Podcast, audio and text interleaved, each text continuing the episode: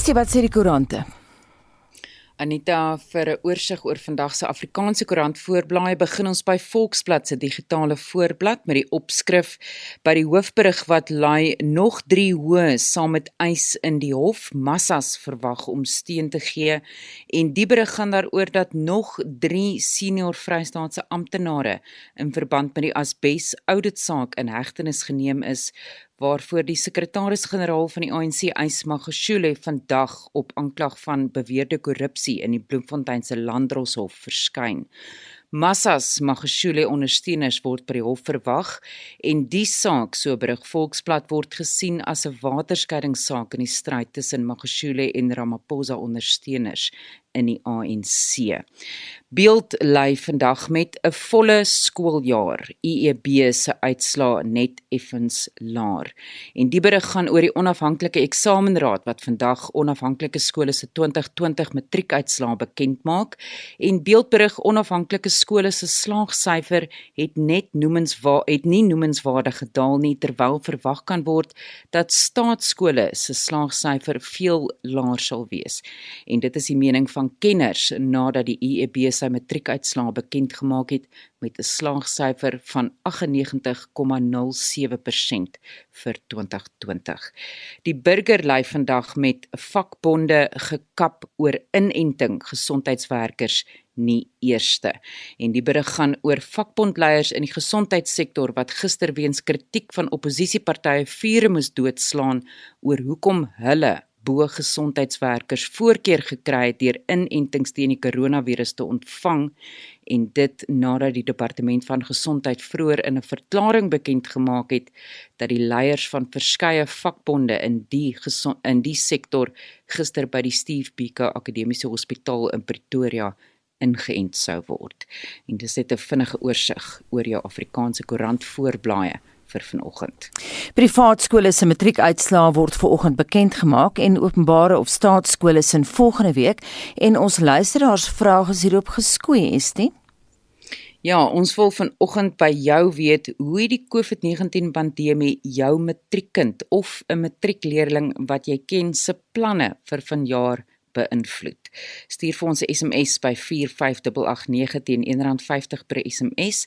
Gesels saam op ons Facebookblad by facebook.com vorentoe skynstreep ZARSG of WhatsApp vir ons stemnota na 076 536 6961. Daai nommer is 076 536 6961 hou daai WhatsApp uh, stemnota boodskappe maar so hier in die omgewing van 30 sekondes. Ek is net so hier teen 6:30 se kant terug met van jou terugvoer.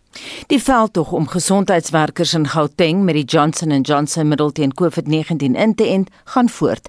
Personeel by twee van die grootste staatshospitale in die provinsie, die Chris Hani Baragwana en die Steve Biko hospitale, het reeds enstof ontvang. Sommige personeellede by die Steve Biko hospitaal in Pretoria was egter bekommerd oor die enstof omdat hulle op die nippertjie ingelig is dat hulle deel sou vorm van 'n steekproef om die doeltreffendheid daarvan te bepaal. Lila Magnus sê die besonderhede. Gauteng het reeds 95 gesondheidswerkers weens COVID-19 verloor. Twee van die grootste openbare hospitale was die eerstes wat die enstof vir hul eerste linie gesondheidswerkers ontvang het. Hoewel die enstof oor die algemeen met vreugde ontvang en toegedien is, het dokter Onika Kobompe hoof van die kliniese eenheid by die Steve Biko Hospitaal in Pretoria sekere voorbehoude gehad.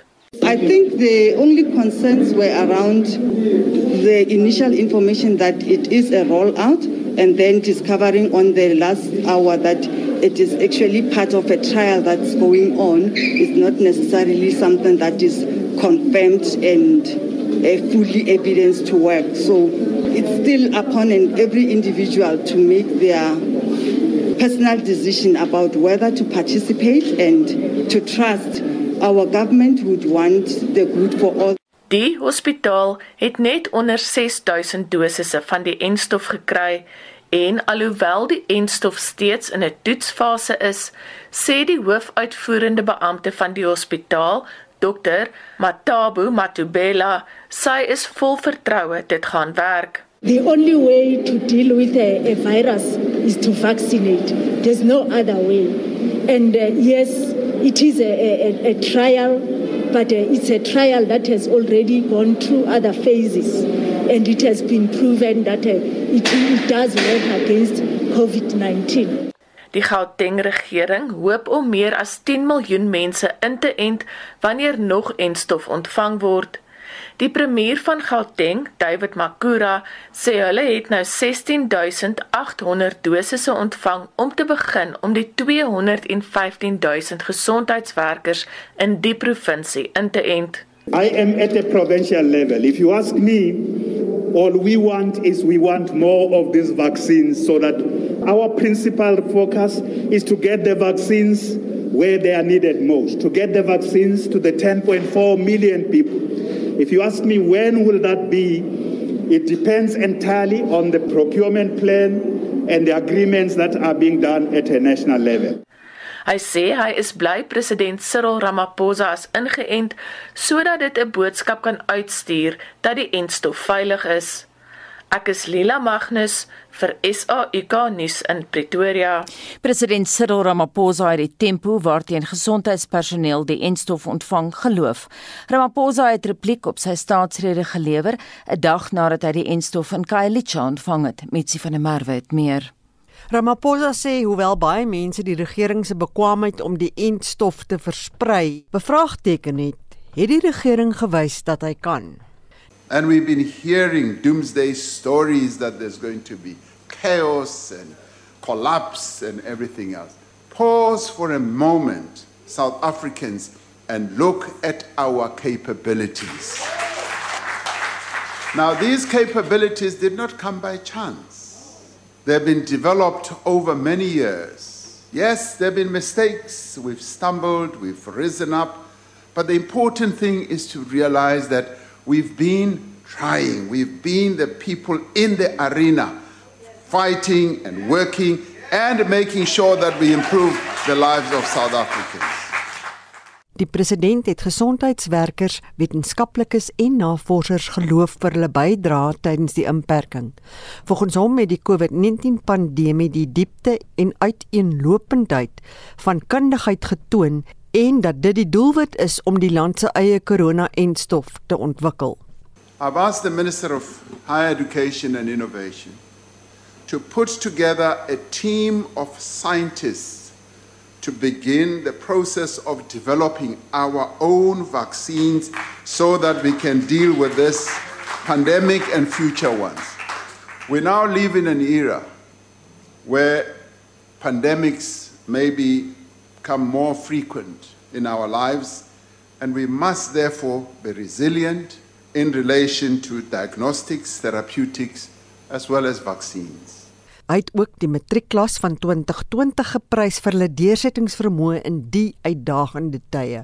Dit terwyl privaat skole se matriekuitslae vanoggend bekend gemaak word en staatskole se volgende week.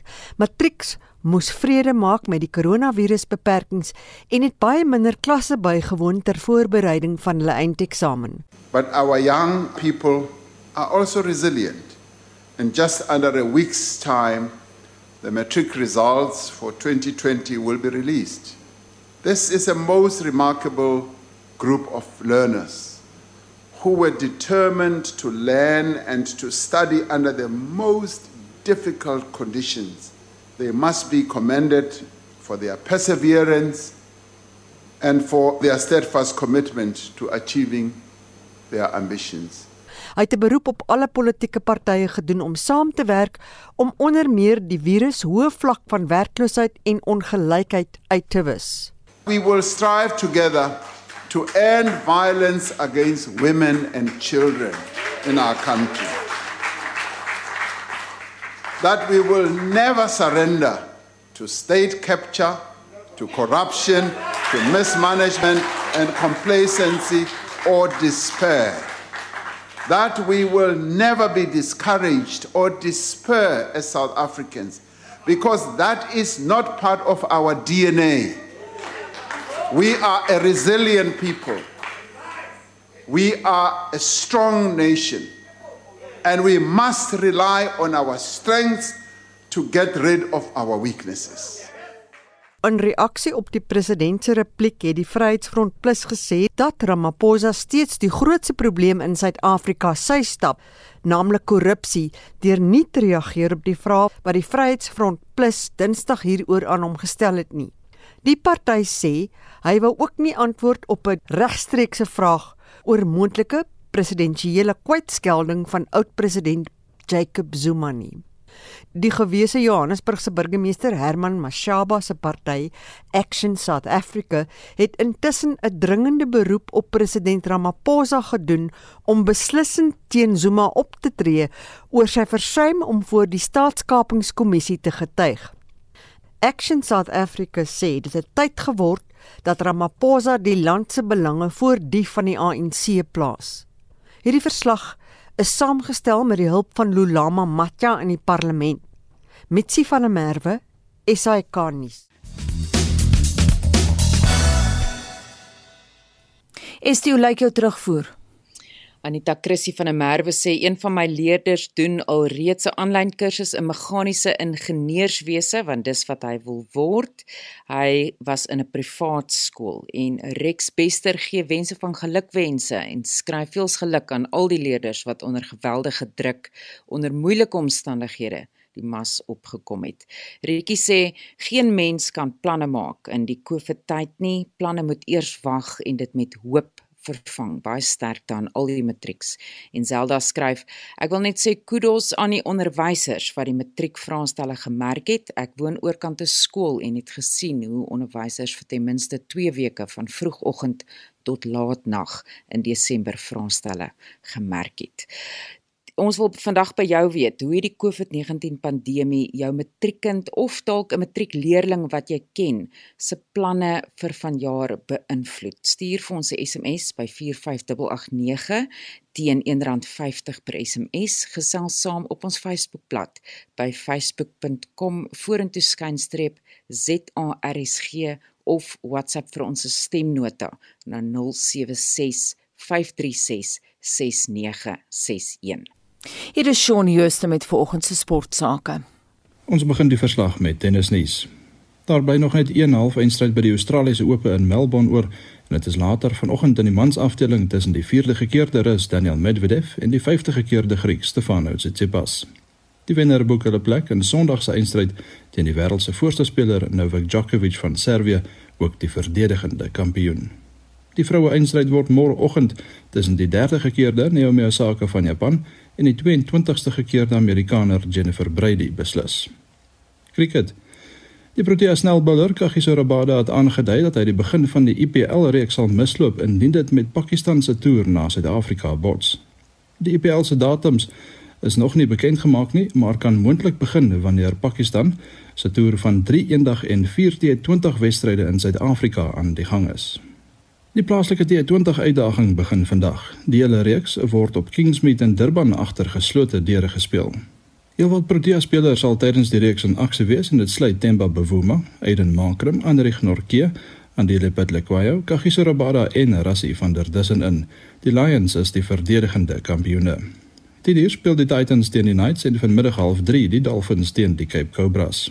Môreoggend 10:00 is dit die Lions teen die Warriors en die middag half 3 weer die Dolphins teen die Titans. Rugby. Australië se binnelandse super rugby reeks kop later vanoggend af. Kwart voor 11 pak die Reds en Waratahs mekaar in Brisbane en vanmiddag 1uur die Force en Brumbies mekaar in Perth.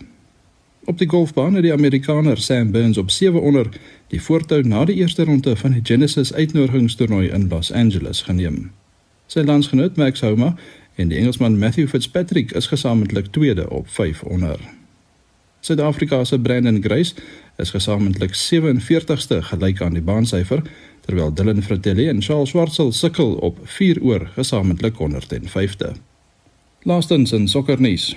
Die tellings in van gisteraand se eerste been wedstryde in die Europese liga se laaste 32 ronde was: Real Sociedad 0 Manchester United 4 Slavia Praag 0 Leicester City 0 Wolfsburg 1 Tottenham Hotspur 4 Olympiacos 4 PSV Eindhoven 2 Benfica 1 Arsenal 1 Granada 2 Napoli 0 en Lille 1 Ajax Amsterdam 2. Shaun Schuster, SAK Sport. Perseverance het gisteraand suksesvol op Mars geland. 50% van vorige pogings het egter nie geslaag nie. Vir meer oor wat ons nou van die tegnologiese supertuig kan verwag, praat ons met die buitengewone professor aan die Noordwes Universiteit se Sentrum vir Ruimtenavorsing, Pieter Kotse. Hy is ook verbonde aan die Universiteit Stellenbosch se departement fisika. Goeiemôre. Hallo, goeiemôre aan almal. Ek praat nou Pieter van wat kan ons verwag van 'n uh, Perseverance, maar die eerste foto's is klaar gestuur, verstommend. Dis ongelooflik. Ek het dit is regtig waar iets buiten besonders wat verlede nag afgespeel het of in ons Suid-Afrikaanse tyd maar wat in op Mars afgespeel het omtrent 470 miljoen kilometer van ons af. Pieter, 'n 470 miljoen kilometer 7 maand lange reis is nie 'n grap nie. En boonop was NASA nie altyd soos wat ons in die inleiding gesê het suksesvol met hulle pogings om op Mars te land nie.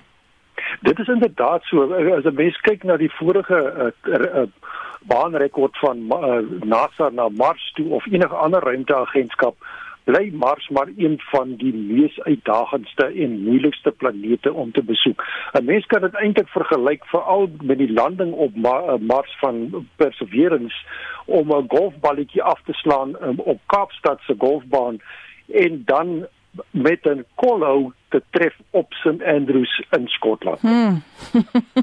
Vertel ons 'n bietjie meer van die seswielige Perseverance. Ja, Perseverance is eintlik die uh, of ons sê volmaking van uh, tegnologie wat geskoei is op bevindinge wat voorheen gemaak is op Mars. Uh, dit wil sê die uh, data en inligting wat ons ingesamel het van vorige uh, Mars of Mars voertuie of robotkarretjies. So eintlik is Perseverance nou uh, die uh, volgende stap in die ondersoek van uh, Mars self nadat daar sekere kondisies vasgestel is op Mars byvoorbeeld deur Curiosity dat die uh, klimaat en die omgewing op Mars so ongeveer 4 of 3 miljard jaar gelede dramaties verskil het van wat ons huidigelik uh, ervaar en sien op Mars self. Pieter, hoe gaan NASA te werk om 'n landingsplek te kies in die geval na die sogenaamde Jezero krater? Wel, eerstens uh, word die doelwit van die sending bepaal en die doelwit van hierdie sending is natuurlik nou om mikrobiese lewe te soek. Wel, aangesien ons weet dat Mars voorheen 'n waterryke omgewing was met vloeiende riviere, mere ensovoorts. So daar is vir 5 jaar lank gesoek na 'n geskikte landingsplek wat die beste kanse bied om vir mikrobiese lewe te soek en dit is toe op die uiteinde besluit op die Jezero krater want die krater het voorheen wel water besit of was gevul met water en het ook 'n rivierdelta in hom gehad. Dit wil sê daar was 'n riviermonding binne in die krater in en ook 'n uitvloei gedeelte. So dit het aan ons die of aan wetenskaplikes die uh, moontlikheid gebied dat dit 'n baie goeie kans sal bied om vir mikrobiese lewe te soek want voorheen as ons kyk na wat op aarde uh, ondersoeke wat gedoen is is byvoorbeeld in die Mississippi Delta uh, rivierdelta soortgelyke mikrobiese lewe gevind wat ongeveer 3 na 4 miljard jaar oud was. So hmm. Jezero het eintlik vir ons die, die kans gebied om die beste kans om vir so iets te soek. Verduidelik hoe die tegnologie van Perseverance verskil van die van sy voorganger Curiosity. Ja, Curiosity uh, was die doelwit van Curiosity was hoofsaaklik om te soek was daar voorheen water op Mars al dan nie en dit is onteenseglik bewys. So in die geval van Perseverance nou is die uh, rover voertuig of die uh, karretjie toegerus met spesifiek met tegnologie en toerusting om te soek vir uh byvoorbeeld mikrobiese lewe wat nie die geval kan gewees het in die geval van curiosity nie. So perseverance besit eintlik of is toegerus met sewe stelle instrumente of eksperimente wat onafhanklik van mekaar kan werk om te soek vir mikrobiese lewe maar dan ook om te sien hoe toestande op Mars byvoorbeeld uh, kan ontleed word vir moontlike uh, waar ruimtevaarders kan ook kan kom land op Mars later aan. Pieter NASA sal ook nou vir die eerste keer 'n klein helikopter op die oppervlak van die rooi planeet vrystel. Wat sou so 'n helikopter besonder maak? Wel vir die eerste om in die eerste plek, dit is die heel eerste keer in die geskiedenis van ruimtevaart dat 'n op 'n hommeltuig of 'n helikopter in hierdie geval op 'n vreemde planeet ontplooi gaan word. En dit maak dit dus uniek. In die in die sin is uh, die uh, helikoptertjie op met die naam van Ingenuity eintlik 'n tegnologie demonstrator om te wys dat dit moontlik is om te vlieg want kyk Mars se atmosfeer is ongeveer minder as 1% die digtheid van dit op aarde. So dit maak dit uitsonderlik moeilik om 'n rotor te laat beweeg en ook die helikoptertjie dan te laat vlieg in sulke dun atmosferiese toestande. So dit is 'n uitsluit 'n tegnologie demonstrator op hierdie geval wat in toekomstige sendings gebruik kan word om byvoorbeeld verkenningswerk te doen voordat die uh amper sê die robotvoertuig in daardie rigting in beweeg. So in hierdie sin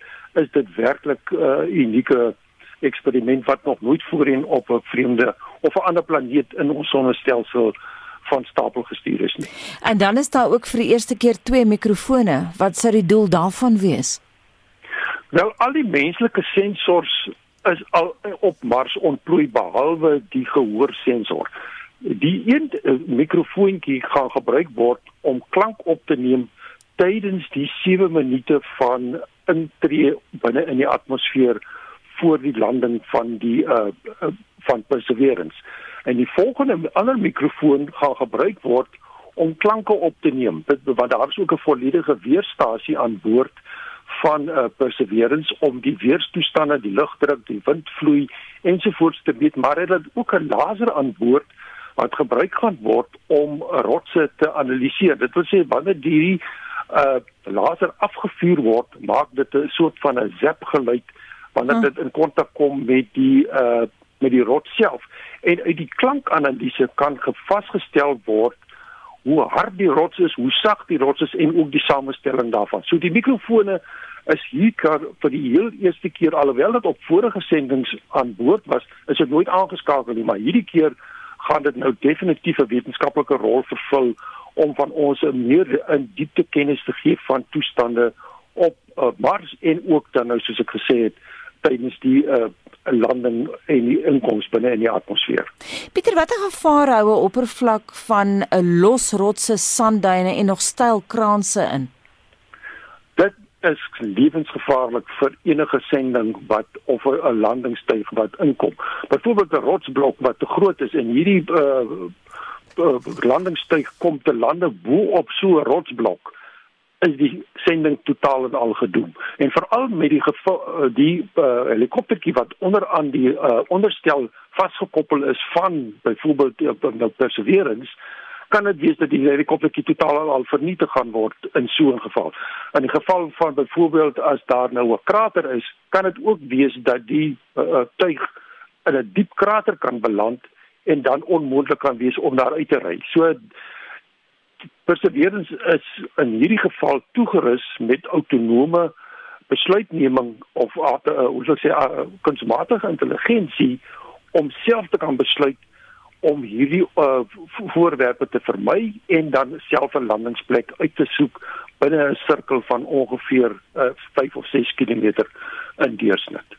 Pieter, uh, net laasens daar is nou planne vir nog sendinge alreeds in 2023.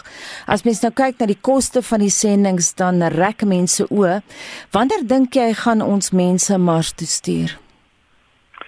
Wel, ek dink definitief nie in hierdie dekade nie. Al die sendinge wat nou nog gedoen gaan word, soos die 2123, dit is die Rosalind Franklin uh uh tuig na Mars, uh gaan uh, dieper boor as wat uh, Perseverance gaan doen. Perseverance gaan byvoorbeeld vir die heel eerste keer boor op die oppervlakte, maar uh Rosalind Franklin gaan ongeveer na op die diepte van 2 meter 'n boor om rotsmonsters uh, te versamel. So ek vermoed die heel eerste of die vroegste tyd wat ruimtevaders na Mars toe sal kan gaan is in 2030 en daarna. Dit sal ook afhang van die moontlikheid van 'n eksperiment wat uitgevoer gaan word op Perseverance om suurstof te vervaardig uit die koolstofdioksied uh, atmosfeer van Mars. En dit sal bepaal of die ruimtevaarders kan suurstof vervaardig vir hulle self om te gebruik of of alternatief ook om brandstof te vervaardig vir die terugvlug na die aarde toe self want hulle kan nie al die brandstof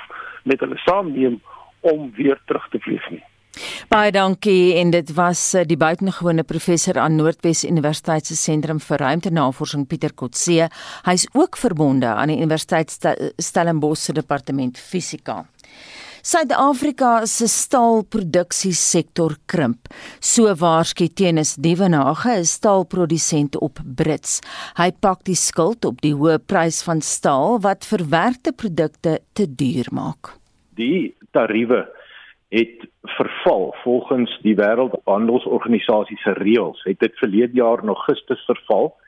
Dit is 'n tariewe op 'n spesifieke groep produkte wat is die rou materiaal wat die vervaardigingssektor gebruik. En toe die regering gegaan in die tariewe weer heringestel.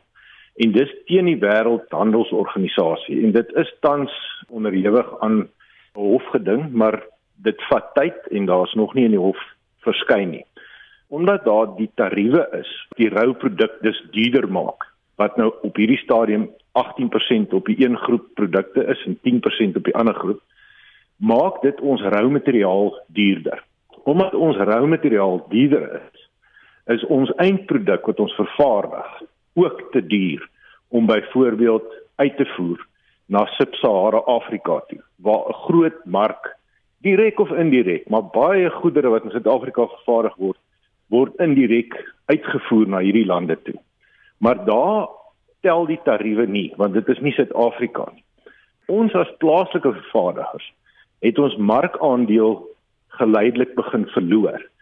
Of jy nou direk uitvoer en of jy nou dalk 'n part vir iemand vervaardig wat dan weer 'n eindproduk uitvoer, daai mark is besig om heeltemal te verdwyn. Wie het hierdie markte by julle oorgeneem? Dit is buitelandse maatskappye. Soos byvoorbeeld die gasprojek in Mosambiek is een van die wêreld se grootste industriële projekte. En buitelandse maatskappye kry nou al daai kontrakte want ons is dood eenvoudig net te duur. En dit is maar een groot projek. Daar's duisende ander kleiner projekkies wat ons dood eenvoudig net verloor en dit maak ons produksie kleiner aan die einde van die dag krimp die industrie. AMSA ArcelorMittal Suid-Afrika vervaardig hulle genoeg staal om julle te bedien? Op die oomblik glad nie. AMSA het eintlik na die inperkingsperiode uh opgehef is uh verlede jaar het hulle nie weer hulle aanleg volstoom in produksie gesit nie. En dit het 'n hengse skaarste laat ontstaan en gevolglik het die pryse die hoogte ingeskiet want ons kan nie ons rou materiaal invoer nie want die tariewe maak dit te duur. Voordat daar die skaarste was, wat hoe het AMSA se pryse vergelyk met invoerpryse? Presies soos wat dit deur die tariewe gedikteer word. As daar 'n 18% tarief op 'n sekere rouproduk is, dan is hulle so 18 en kom ons sê dalk nog so 'n bietjie dan so 20-25% duurder op die rou materiaal as daar 10% is, dan is hulle so 12% duurder. Dan kan ons nie invoer die koste-effektiewe rou materiaal om ons produkte te vervaardig nie. Ons koop dan maar by hulle maar teen 'n hoër prys. So ons vervaardigde produk is duurder en daarom het ons die markandeel verloor. So jy sê die staalbedryf is kleiner omdat die staalverskaffer in Suid-Afrika 'n monopolie het. Dis heeltemal reg. Dis wat gebeur. Die regering beskerm basies die enigste monopolistiese vervaardiger van hierdie platstaalprodukte wat ons gebruik in ons vervaardigingsprosesse. Hulle beskerm hom met wetgewing deur die tarief in te sit as jy die produk teenoor hulle in kompetisie met AMSA wil invoer, dan moet jy die tarief betaal wat dan vir AMSA die geleentheid gee om hulle pryse op te sit. Hoe het die verkleining van die staalbedryf werksgeleenthede beïnvloed? Ja, daar het baie werksgeleenthede in die slag gebly. Dit is nie presies gekwantifiseer nie, maar wat wel gekwantifiseer is is daar sedert die instelling van hierdie beskermingstarief in 2017 van 22% het daar oor die 700 staalmaatskappye reeds hulle deure gesluit en oor die 300 is onder besigheidsbestuur gesit. En so sê Tenus Dievenage van die maatskappy SS Profiling en hy het met Mitsi van der Merwe gepraat. Die adjunk hoofsekretaris van Solidariteit se metaalbedryf, Marius Kroukamp, sê die krimping van die bedryf is ingewikkeld, alhoewel die Wêreldhandelsorganisasie die wisselwerking van in- en uitvoertariewe reguleer, word hierdie tariewe deur die onderskeie lande self bepaal die wêreldhandelsorganisasie stel nie tariewe in of hef tariewe op nie. Dis die land self wat eie prosesse volg in terme van regulasies. Watse tariewe is daar op rou produkte van staal? Daar's talle produkte van staal wat vervaardig word wat beskerming geniet tariewe. Dis tariewe wat deur middel van daardie prosesse deur die Suid-Afrikaanse uh, ITAC proses gegaan het en wat ingestel is. Ek het gepraat met 'n staalprodusent wat rou staal vat en dan produkte maak daarvan. En hy sê dat hulle is besig om uit die mark uit te val omdat hulle nie mededingend is nie. Hulle betaal te veel vir hulle rou staal. Daar's twee tariewe wat op hom van toepassing is. Die een is 'n 10% tarief en die ander een is 'n 18% tarief. Hy sê as hulle staal koop by ArcelorMittal Suid-Afrika, dan sit AMSA daai tariewe by. Dra jy kennis van hierdie tipe van prys van staal deur AMSA? AMSA se pryse word gereguleer in terme van 'n kompetisiekommissie skikking van so 3-4 jaar terug waar AMSA ook 'n reuse bedrag beboet was vir daardie stadium 'n nuwe rekordboete was. So AMSA het nie vrye keuse hoe hy sy pryse wil aanpas nie. Sy pryse word ook bepaal volgens 'n formule wat deur die departement van handel en nywerheid en kompetisie geaudit en bepaal word. So die opmerk van die pryse verder met die 10-18% is in terme van 'n beskermingstariewe wat ingestel is deur 'n uh, ITEC proses deur die departement van handel nywerheid en kompetisie. So is gevalle waar hierdie prysbeskermings in plek is, maar dis ook gevalle waar dit voorafgegaan was deur 'n ondersoek wat bepaal het dat daar of storting in die land is of onredelike kompetisie waar hierdie staal dalk moontlik van een van die lande afkom waar staal uh, gesubsidieer word deur regerings of enige ander onbillike praktyk. In alle gevalle is daar 'n ruim vrystellingsprosedure vir hierdie maatskappye om te kan volg. Hulle noem dit die rebate stelsel waar hulle deur ITEC en die departement van handel en nywerheid vrystelling kan voor aansoek doen van hierdie tariewe as daar goeie redes en motivering is na en indien 'n uh, maatskappy nie tevrede is met die uitkoms van daardie vrystellingsprosedure nie, dan kan hy natuurlik tot die hof wend ook.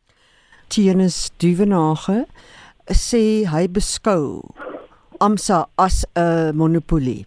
Stem jy saam?